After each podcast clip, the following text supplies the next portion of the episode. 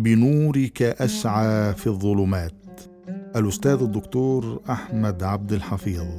أماه هل تسمعين طرقات الخافتة على باب قلبك؟ أتسمعين دقات قلب الصغير؟ أنا بعد صغير لم يتجاوز طولي السنتيمتر الواحد.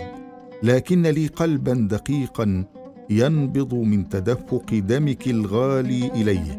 الطبيب يراني داخلك وينفذ بجهاز موجاته الصوتية إلى داخل غرفتي الخاصة في بيت الدافئ ورحمك الآمن الأمين علي. إنه يرى قلبي وأنا في اسبوعي الخامس. ويشير إليك لتشاركيه النظر إليه وهو ينبض في سرعة وانتظام. لكن أعلم أنك أحسست بي قبل أن تراني عيناك على شاشة هذا الجهاز. لأن ربي أودع في أمومتك المخلوقة بلطفه جزءا من سره. فكما أحب خلقه قبل أن يبرأ نسماتهم أودع في قلبك الحب لي وأنا بذرة في داخلك لم ترني عيناك بعد.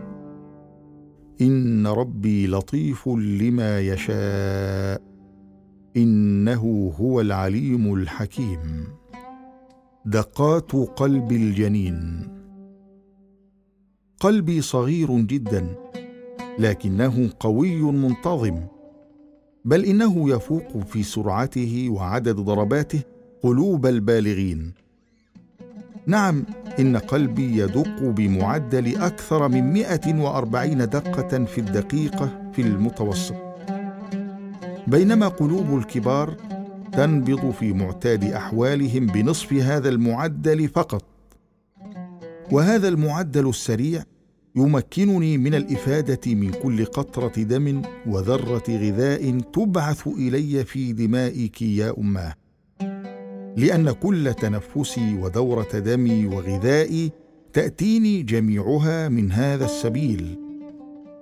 أعلم يا أماه أنك لا ترين في ما يراه البعض أنانية وأثرة.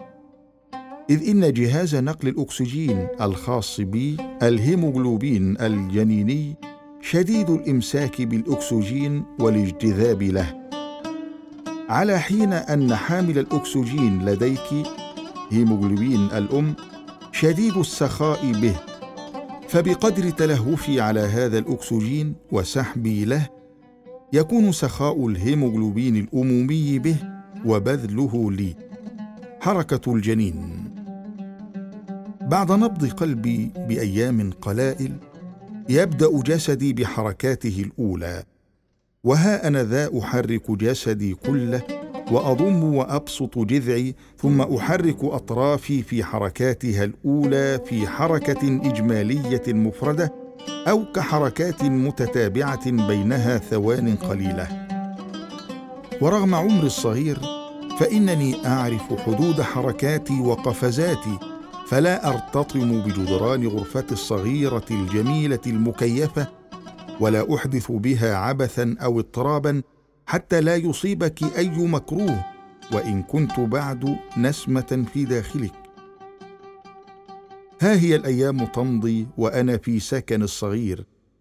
فيزداد نشاطي وتتصاعد حركاتي قوة وعددا متراوحة بين الدقة والنشاط في الأسبوع الثاني عشر.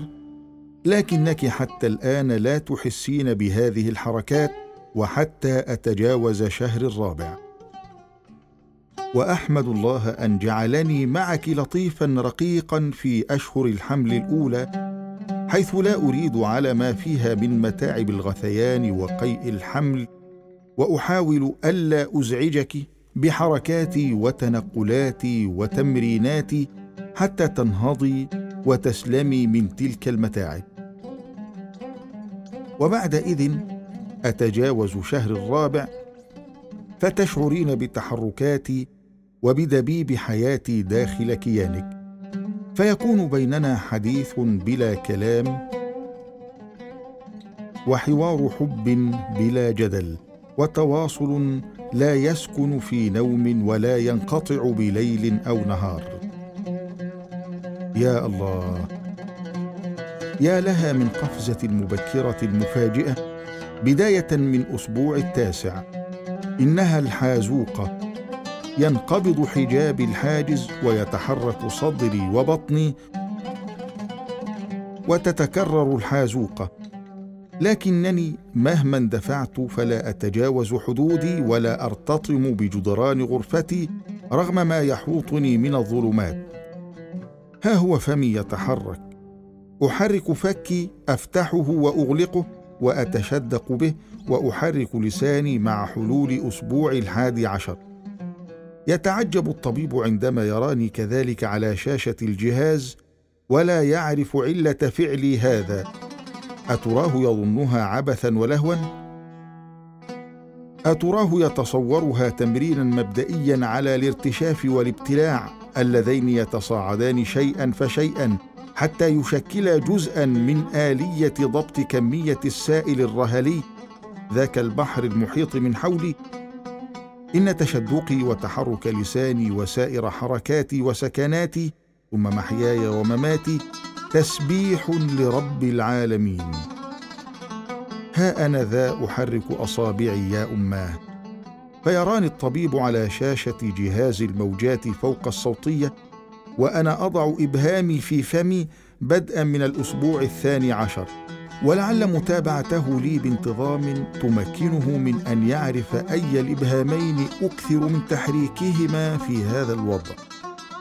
وبالتالي يتوقع ما إذا كنت أيسر أم أعسر من قبل أن ترى عيناي النور. يراني الطبيب متثائبا أحيانا مع تقدم عمري بعد الأسبوع السادس والعشرين لكن ذاك ليس كسلا. بل هي حركات فاعلة لزيادة ارتجاع الدم الوريدي إلى القلب. ومن ثم زيادة نسبة الأكسجين خاصة حال ازدياد احتياجي إليه كبعض حالات ضعف الدم أو الأنيميا. يوما فيوما يشتد ساعدي أكثر فأكثر وتقوى بنيتي ويخلقني ربي خلقا من بعد خلق في ظلمات ثلاث. فلا يحزنك يا أماه أن حملت بي وهنا على وهن. فما وهنك إلا قوة لي تندفع بلطف الله ثم بمحبتك في كياني وتكويني. فتتصاعد حياتي وتنشط حركاتي حتى تصل إلى نحو ثلاثين حركة في الساعة في آخر شهوري وحتى تكون رسالة ألفة وتواصل بيني وبينك. وتكون دلالة متابعة منك لصحتي وعافيتي قبل أن تراني عيناك. يمتلئ قلبك طمأنينة وحبورا حين تحسين حركاتي وقفزاتي.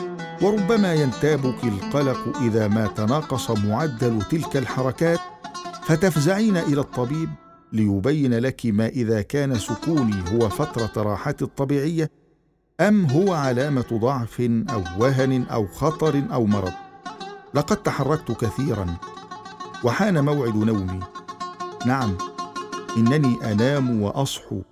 وقد جعل الله لي ليلا ونهارا صغيرين دقيقين كصغري ودقتي إذ يتناوبان علي في دورة صحو ونوم عبر الساعة.